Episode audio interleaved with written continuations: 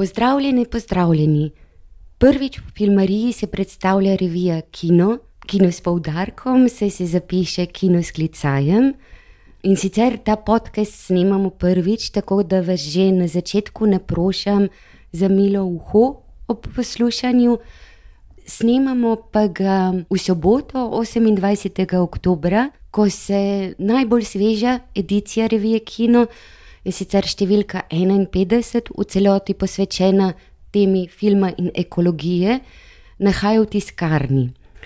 Za začetek morda revijo Kino izdaje Društvo za širjenje filmske kulture Kino.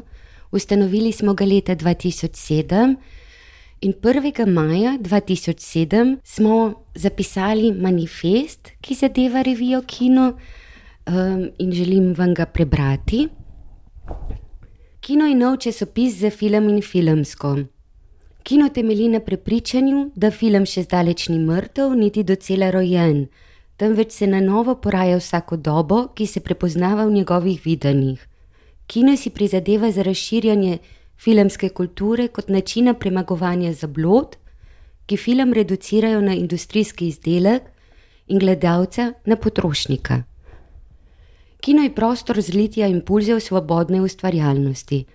Verjame v nujnost prebijanja okvirjev obstoječega družbenega konsenza in preseganja uveljavljenih modusov eksistence. Kino se postavlja na tisto izhodišče aktualnosti, ki si tukaj in zdaj zoprstavlja zahtevan kapitalizma v njegovi tržni logiki razvrednotenja vsakršne oblike upora proti sebi, zgolj še eno vrsto blaga. Kino ne ločuje med lokalnim in univerzalnim, marveč zagovarja stališče, da lahko lokalno s svojimi značilnostmi opredeljuje univerzalne procese z enako verodostojnostjo, kot to zmorejo določila splošnosti. Kino vzpostavlja prostor za dejavno komunikacijo tokov filmske zavesti, ki zavračajo idejo političnih meja in kulturnih pregrad. Kino se zaveda, da film potrebuje gledalca zaveznika, ki svojim videnjem prispeva k skupni vsoti avtentičnega filmskega dogodka. Zato se zauzema za poglabljanje zaveze med občinstvom in ustvarjalcem. Kino prisega na načelo mobilizacije pogleda, ki užitek plemeniti zavestjo, da je kinematografično dejanje lahko prizorišče dejavnega soočenja filmarjevega in gledalčevega videnja kjer se odpirajo poti k osvoboditvi izpod jarma ustaljene recepcijske logike. Kino zavrača idejo gledalca kot objekta, spoštuje ga kot subjekt s polno odgovornostjo, ki lahko v lastni, pogosto marginalizirani, zatirani, izkoriščani ali razosebljeni bivanski poziciji prepoznava možnost izbire in najde prostor samozavedanja ter reakcije. Kino je neprofiten, neodvisen in utopičen prostor. Kino vodi prepričanje, da je z vidika kreacije ključnega pomena prav vidik utopije. Utopije, ki filmsko umetnost spaja z njeno dobo in zgodovinskim mestom njenega vznika. Utopičnosti, v kateri se skozi historično perspektivo gleda filme v preteklosti, ki se začenja tukaj in zdaj, a tudi v prihodnosti, ki se je začela pred stoletjem. Kino sledi zahtevi, da se je prežetosti našega časa z brezkončno destruktivno silo treba upirati z revolucijo primerljive kreativne energije, ki naj okrepi spomin, razjasni sanje in podobam dovoli pomeniti. Tako uh, smo zapisali v uredništvu 1. maja 2007. Morda je vredno omeniti, da uh, nam je kot neprofitnemu društvu uh, v desetletju in nekaj letih obstoja uspelo izdati tudi vrsto temeljnih knjižnih del. In sicer izdali smo kaj je film Andreja Bazana, um, film proti spektaklu Žona Louisa Comolija kinematografsko pripoved Žaka eh, Ranciera, prizorišče odpora, sodobni dokumentarni film in zagate postdokumentarne kulture Andreja Špraha, o filmu Bertolda Brehta, evidenco filma Abbas Kiarostami, Žona Luka Nonsija, vzgojo za film, razpravo o poučevanju filma v šolah in drugih okoljih, Alena Bergalaja in kamero politiko Emanuela Baroja. To nam je nekako uspevalo, um, ko je bila nekako državna politika, oziroma ko se je na javni agenciji za knjigo um, nekako uh, finančno suportiralo pri izdaji knjig še manjše založbe, trenutno pa se že ene par let nahajamo v obdobju, ko preprosto kot majhna založba nimamo možnosti prijave knjig na razpise. Um, na zadnji smo to nekako reševali z mini konzorciji, a srčno si želimo, da se ta situacija kmalo popravi in da spet izdamo kakšno temeljno filmsko čtivo. Um, sedaj pa morda kar uh, k novejši ediciji, skratka številka 51, film in ekologija. Kmalo um, se mi bodo v tem našem provizoričnem studiu uh, pridružili še nekateri sodelavci, taka mini delegacija bo prišla. Um, ampak uh, morda vseeno za začetek, ne, številko 51 otvorijo metateksti in sicer si sledijo Tadej Troha v svojem prispevku povzame nekatere ključne poudarke, najbrž, najbrž sploh prvega interdisciplinarnega simpozija o podnebnih spremembah, ki ga je leta 1975 organizirala ameriška antropologinja Margaret Mead. V navezavi na programski tekst konference najprej razvija osnovni okvir produktivne interakcije med družboslovjem in naravoslovjem kot si ga je zamišljala antropologinja Med, na to pa predstavi družbene posledice dejstva, da je razmerje ostalo neorganizirano in se je naposled organiziralo samo. Tomaš Grušovnik opredeli štiri glavne moduse: antropomorfizem, antropocentrizem, avtomorfizem in bizarce. Pri čemer navaja, da predlagana klasifikacija ni univerzalna ali popolna, na podlagi te klasifikacije razmejuje animizem, popredmetenje in avtentičnost kot tri glavne moduse, kako je narava reprezentirana v filmih, pri čemer ponovno trdi, da klasifikacija ni izčrpna.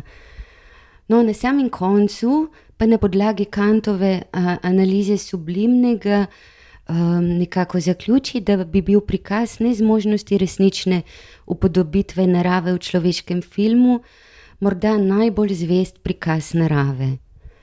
Um, sledi še kaj Kraner, ki na podlagi uh, nekaterih izhodišč Timotheja Mortona, ene ključnih teoretskih referenc sodobnih umetnosti, ki se ukvarjajo z ekologijo, um, se osredotoča na široko polje estetske pojavnosti narave skozi zgodovino umetniškega upodabljanja, zlasti v vizualnih medijih.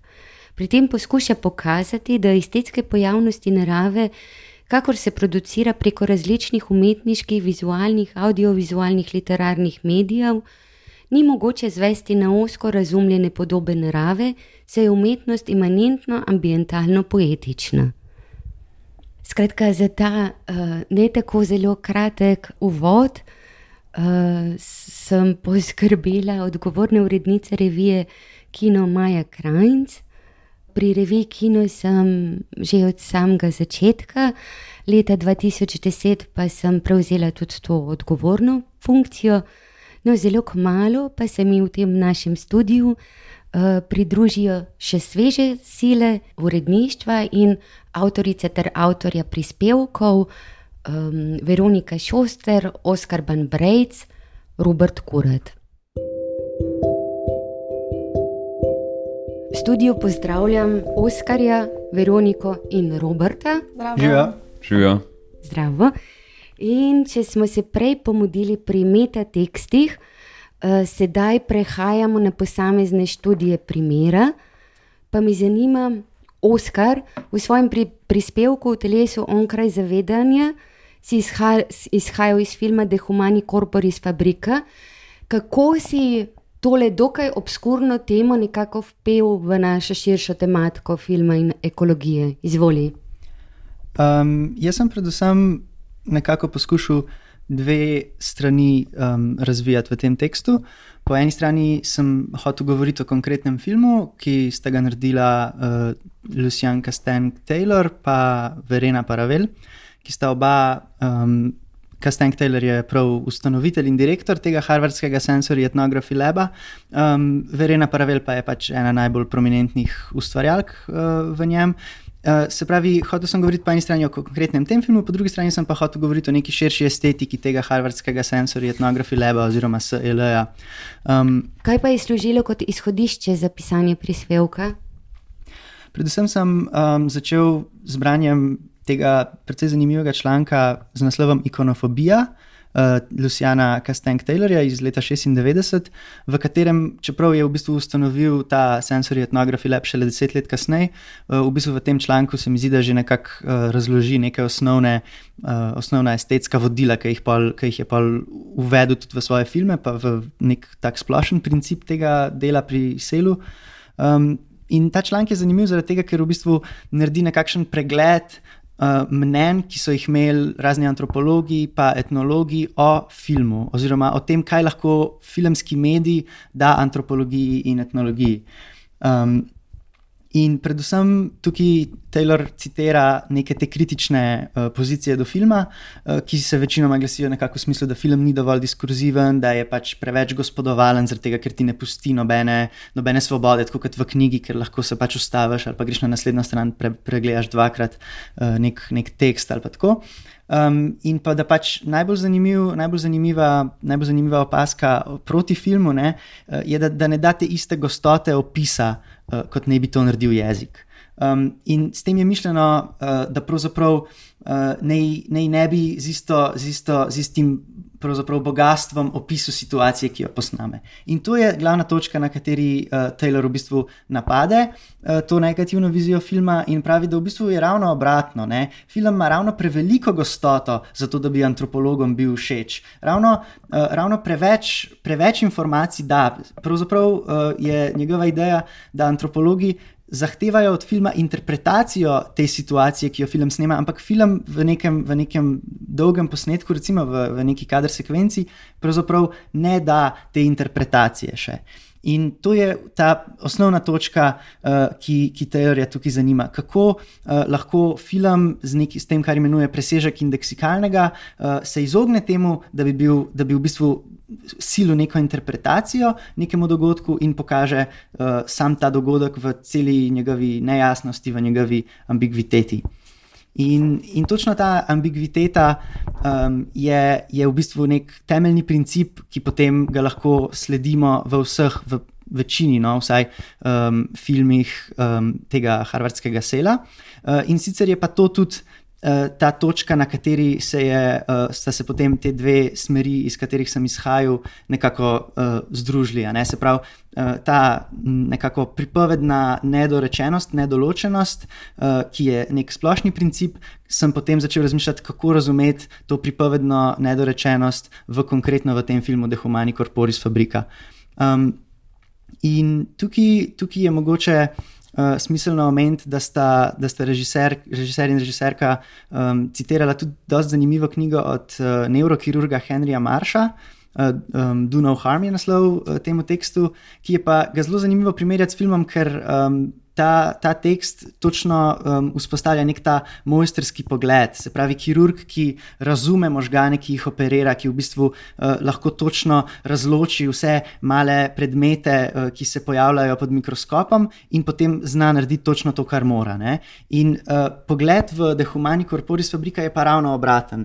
Uh, Avtor je v bistvu rušta ta moment um, neke, nekega prepoznavanja, neke razumljivosti na vsakem koraku, ko le lahko. Ne?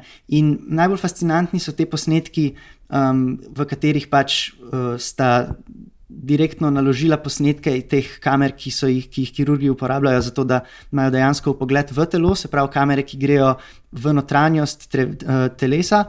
Um, Te momenti so najbolj zanimivi, tega, ker um, v njih pač totalno uh, se zgubi neka ta, neka ta orientacija, uh, neka ta zunanjost, ta meja telesa, ki, ki, ki je nekako ponavadi izpostavljena vizualnosti, se totalno poruši ne? in kamera pride v notranjost telesa. Um, kar pomeni, da pač smo tukaj v, nekem, v, v, nekem, uh, v neki teriji inkogniti, pravzaprav um, glede, glede, glede vizualnosti. Um, in potem se mi je zdelo, da v bistvu lahko točno to načrtno rušenje um, nekega smisla, načrtno, načrtno izogibanje temu, da bi se dal pomen uh, tem, tem podobam, da se da to mogoče. Um, povezati uh, z, nekimi, z, nekim, z nekim načinom um, nemišljenja ali pa z nekim uh, kako bi rekel, z nekim človeškim razumom, tujim, tujim uh, principom, v smislu, um, da pač človeška zavest zmeri zahteva um, neko koherentnost, ne zmeri pač uh, se mora utemeljevati. Uh, v tem, da je pač konstantna, da poskuša razumeti uh, svoje, svoje okolje, da poskuša nekako se postaviti, postaviti v odnos do objekta, in tako naprej. Uh, Medtem ko tukaj pa se to zgubi, in je tako, da v bistvu neko raztelešeno oko uh, um, se nekako sprehaja po, po notranjosti telesa um, in, in v bistvu prinaša pogled v, v, v okolje, kjer pogled in kjer vida sploh nikoli ni bilo za res.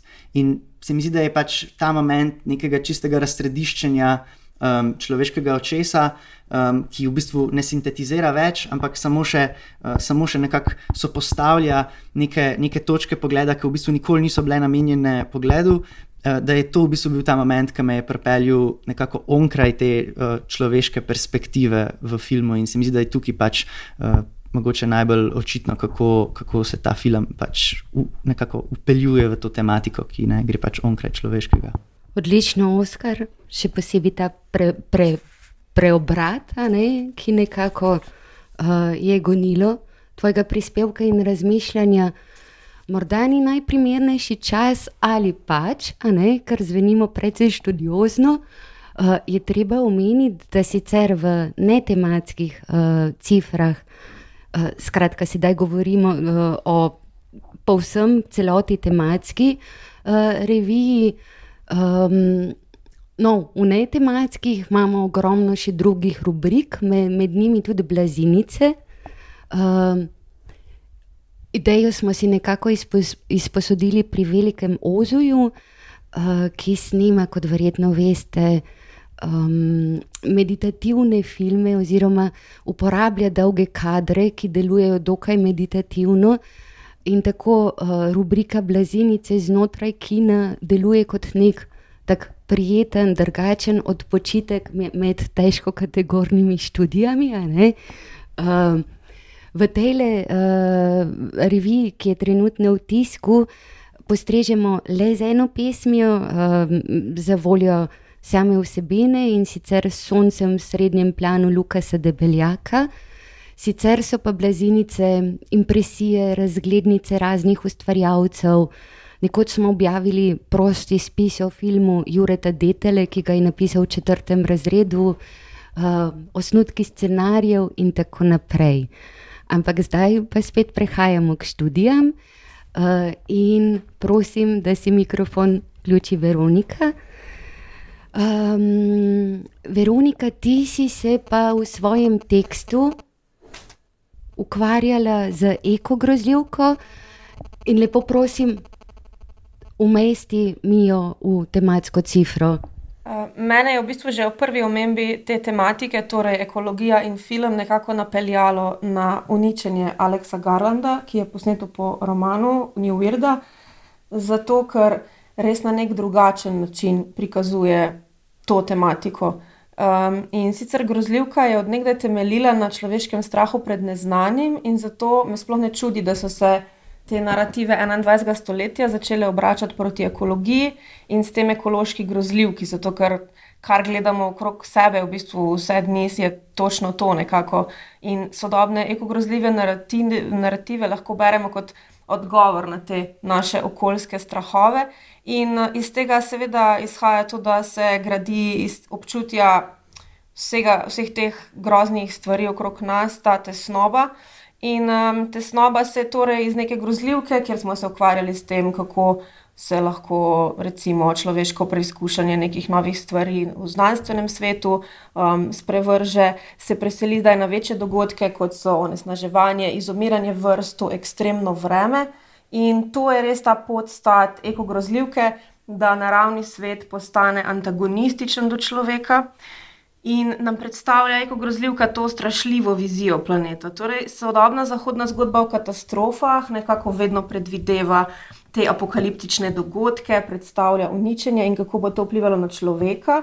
Um, se pravi, te zgodbe so še vedno o nas. Um, nekako uničenje pa poskuša poiskati drugačen način um, in sicer nekako z drugo narativo, um, ker pokaže priložnost, da se odpiramo proti neki spremembi.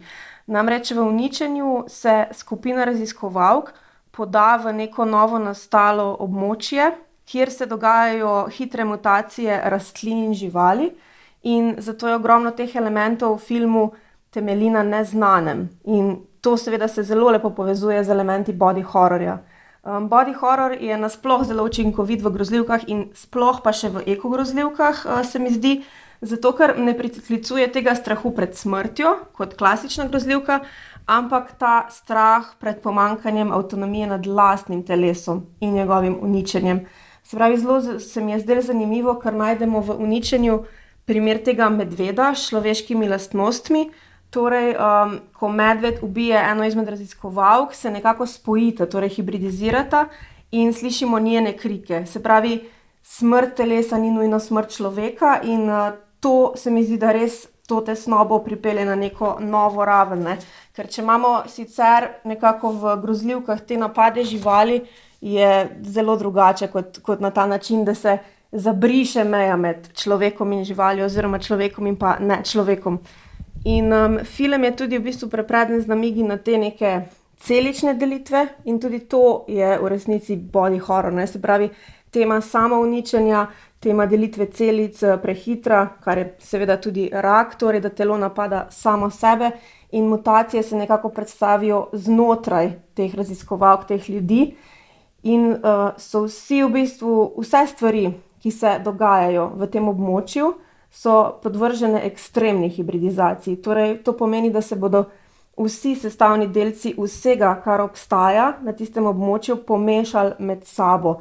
In uh, temu nekako ne najdemo pravega razloga, oziroma ne išče režiser razloga za to, ampak se sprememba dogaja samo zaradi spremembe same. Kaj pa navezava na stalkarja? Um, um, ti je delo, mislim, si je mala stalkarja kot neko referenco tudi za samo uničenje? Uh, ja, v bistvu je stalker popolnoma jasna referenca že za roman, se pravi v obeh uh, romanih, torej v uničenju Jeffa Vandermeera in v pikniku na robu ceste Bratov Strogatski se pojavi neka cona, območje, kjer je nekaj drugačnega, ker se je nekaj zgodilo, tako da na ta način um, se res lepo povezujeta in morda radi tudi, ravno tudi s temi spremembami. Torej, nekako tam se je pri pikniku na robu ceste, oziroma pri Stalkerju, ne, je, je tudi neki nepojasnjene stvari se dogajajo. In um, ne vemo točno zakaj, oziroma odkot to prihaja. Se pravi, spet ta neka neznanka, oziroma neznano, ki pa vpliva, seveda, na ljudi. Zdaj, um, pri uh, stalkerju to vpliva na tiste ljudi, ki gredo v cono, se mi zdi, medtem ko tu vpliva na vse, ker se ta uh, cona se širi. Ne. Se pravi, nekako ta hibridizacija se, se počasi predstavlja iz notranjosti na vzven. Najlepša hvala, Veronika.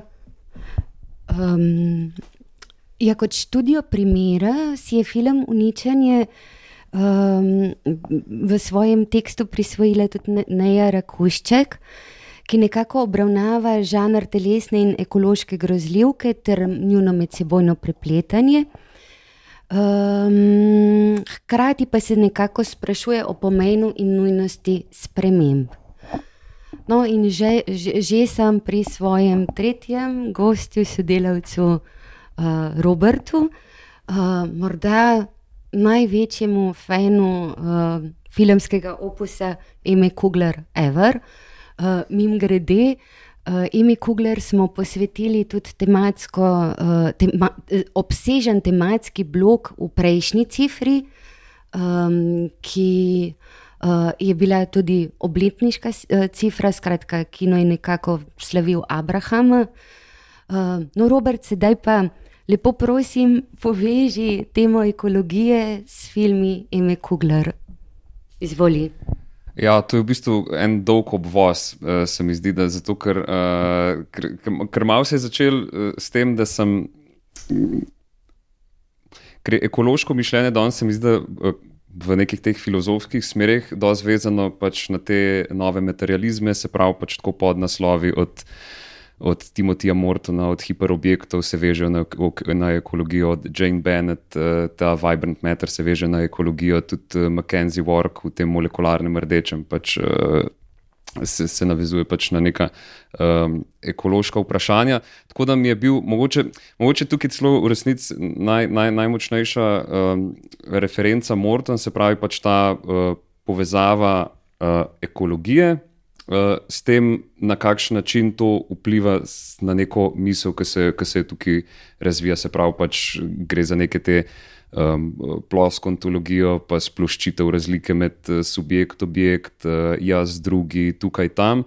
Uh, um, s čimer se mi zdi, da, da dosega pač neko.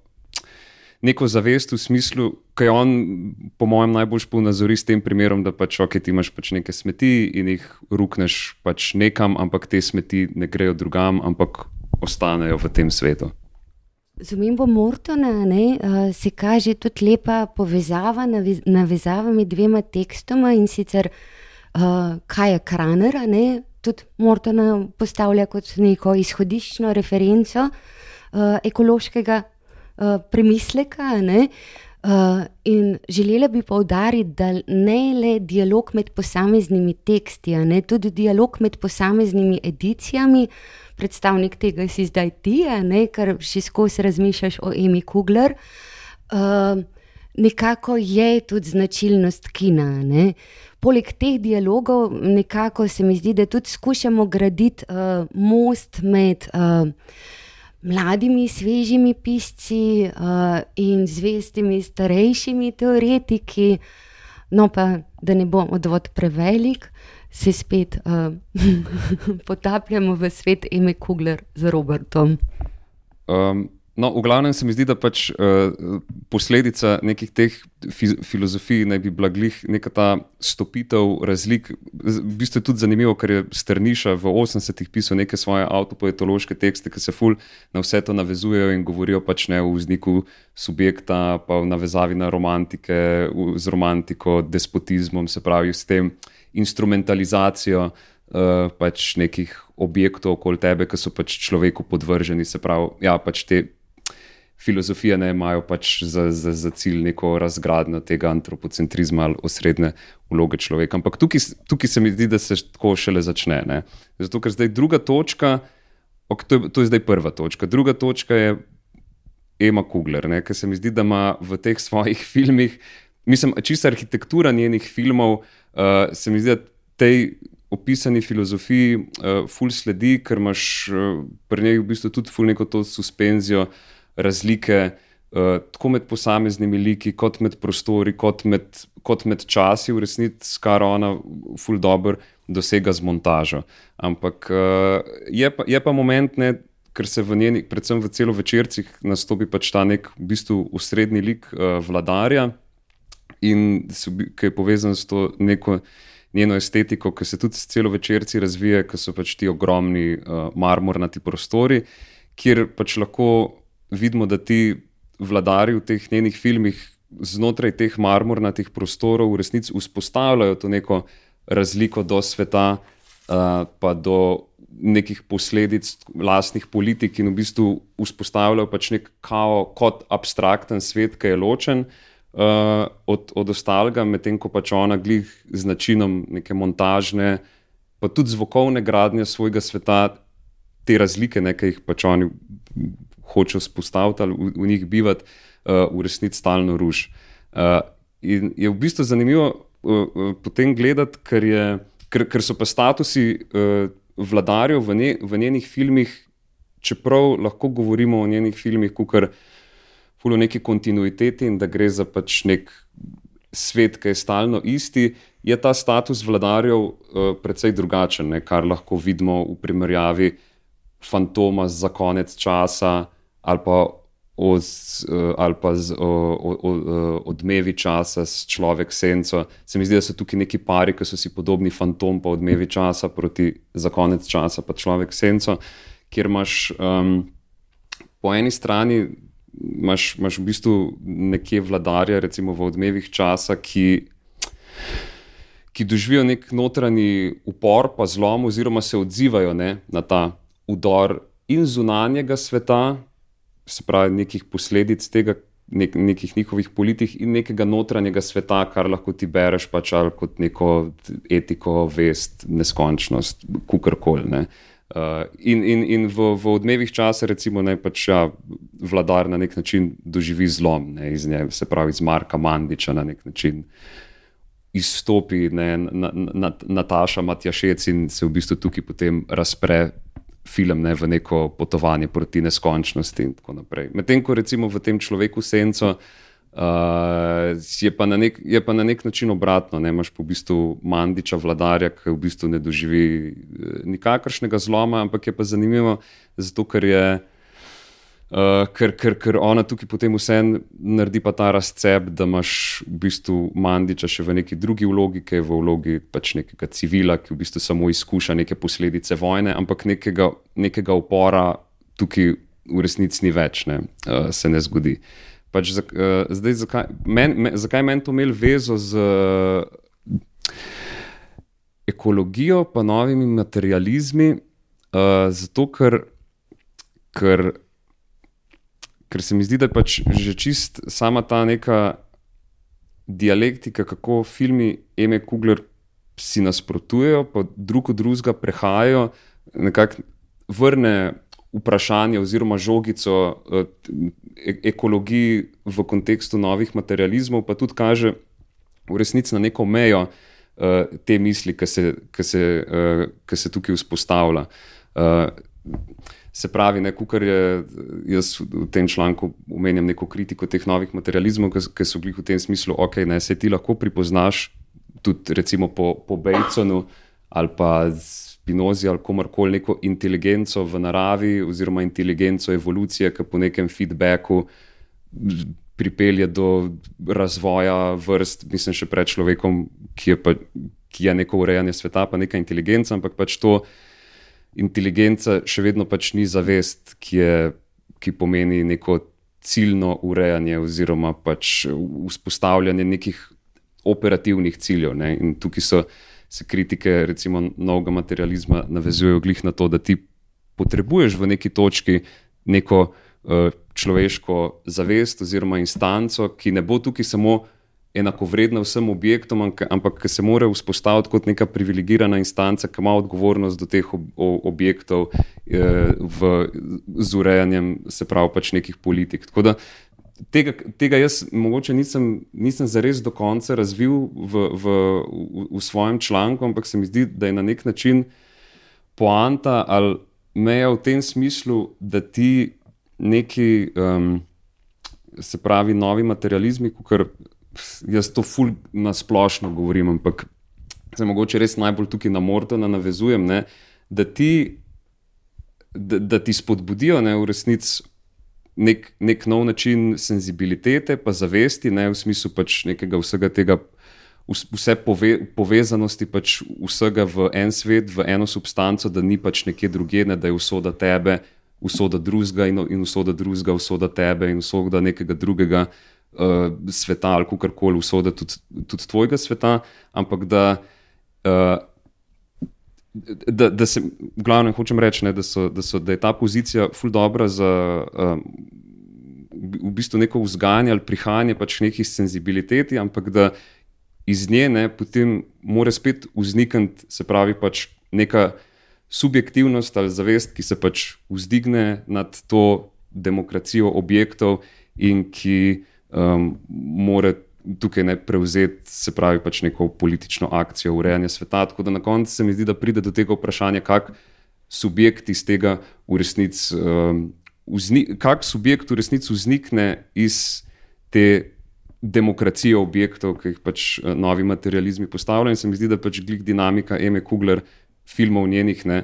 Uh, Spodbuja no, k temu um, razmišljanju o tem, da je to nek ali to zdaj pomeni, da je to nek, nek kolektivni subjekt ali, ali, ali karkoli. To, to je zdaj, se mi zdi, da je to ta finalna točka, ki jaz v članku nisem zapisal, pa bi mogoče mogla biti in od katere greš potem naprej. Ne. Robert, najlepša hvala. In ko te poznam kot odgovorna urednica, sem prepričana, da tudi pis, pisni zapis kmalo sledi, verjetno spomladanski cifri. Um, sedaj pa naj morda samo še omenim preostale avtorje, ki so sodelovali ne, pri uh, dotični cifri, m, posvečeni filmu in ekologiji. Um, to so bili še Beka Velker. Z zanimivim prispevkom filmari Kmetovalci, terensko delo in rast, um, Aljaš Karleb z vegetabilnim filmom, um, Max Valenčič z mejami filma. Uh, o filmu je razmišljal kot mediju kodiranja informacij. Um, Polona Petek je uh, tako, um, lahko bi rekli, uh, res kritično uh, razčlenila Oppenheimerja. Uh, Matjaš Zorec je postregel z generalno linijo našega vsakdanjega kruha, Martin Pogačar pa je razmišljal o človeku, vlaku in naravi um, na podlagi dokumentarcev in tudi določenih fiktivnih, fiktivnih del, um, nastalih v času juge uh, in rekonstrukciji povojne Jugoslavije. Uh, omeniti velja še, da od lani uh, k našim stalnim rubrikam prištevamo še rubriko Recenzirano um, recenzirano filmski in televizijski študiji. Ta nastaja v partnerskem sodelovanju z ULAGRFT. In morda je ta rubrika malce širše zastavljena in sicer uh, posveča se izvirnim raziskavam na področju filmskih in televizijskih študij z interdisciplinarnimi povezavami, ki lahko segajo na področja medijskih študijev, kulturologije, literarne vede, prevajalstva pedagogike, sociologije, filozofije, psihologije, antropologije, zgodovine, umetnostne zgodovine, politologije, ekonomije in drugih relevantnih akademskih disciplin. Tako da, če se želite uh, preizkusiti v znanstvenem recenziranem postopku, uh, pišite nam uh, na uredništvo afnae.vezajkino.si. Uh, tam se lahko naročite tudi na revijo Kino. Um, to lahko storite tudi na naši spletni strani www.evezaj.kino.si. Um, tam je mogoče kupiti tudi uh, naše knjižne izdaje. Uh, priporočam vam, da če želite lastnega bazana, pohitite, ker imamo le še nekaj arhivskih izvodov. Um, no, spomladi pa sledi um, naša regularna cifra, ki bo ne, nekaj več pozornosti posvetila tudi slovenskim avtorjem, slovenskemu filmu uh, za šolsko uro, oziroma prevetreno, uh, preimenovano rubriko Strenje pogleda. Bomo ustrili nek temeljni koncept, gibanje, uh, kakorkoli. Um, kaj se še? Aha, postregli bomo seveda s preboji, ki jih bomo nekako zasledovali na obskurnejših dogodkih in pa tudi večjih festivalih, kot je Revijalni festival Liv. Um, še prej pa seveda toplo vabim k branju ne, uh, cifre, dotične cifre, o kateri govorimo. Film in ekologija, ki po krompirjevih počitnicah pri Veka iztiska, um, vabljeni k branju. Um, kaj še, naj živi kino. Za sam konec je PS. Uh, Uh, najlepša hvala uh, Društvu slovenskih režiserjev, uh, da so nam odstopili en slot filmarije. Uh, posebna hvala še Valeriji Cokan um, za tehnično opremo. Za tehnično opremo se zahvaljujemo še profesorju Zupaniču, pa tudi za ta šnil kurs, kako se snema. Vi ste zdaj tole že slišali. Ne? Hvala poslušalcem in poslušalkam za, za milo uho. Hvala tudi AGRFT-ju, da nam je posodil učilnico za naš provizorični studio. Hvala še enkrat vsem sogovornikom, hvala piscem in sodelujočim pri reviji Kino. Hvala tistim, ki nas berete. In sinteza današnje oddaje se nahaja kje v novi številki revije Kino 51. Adijo! Čau! Adijo! Nasvidenje!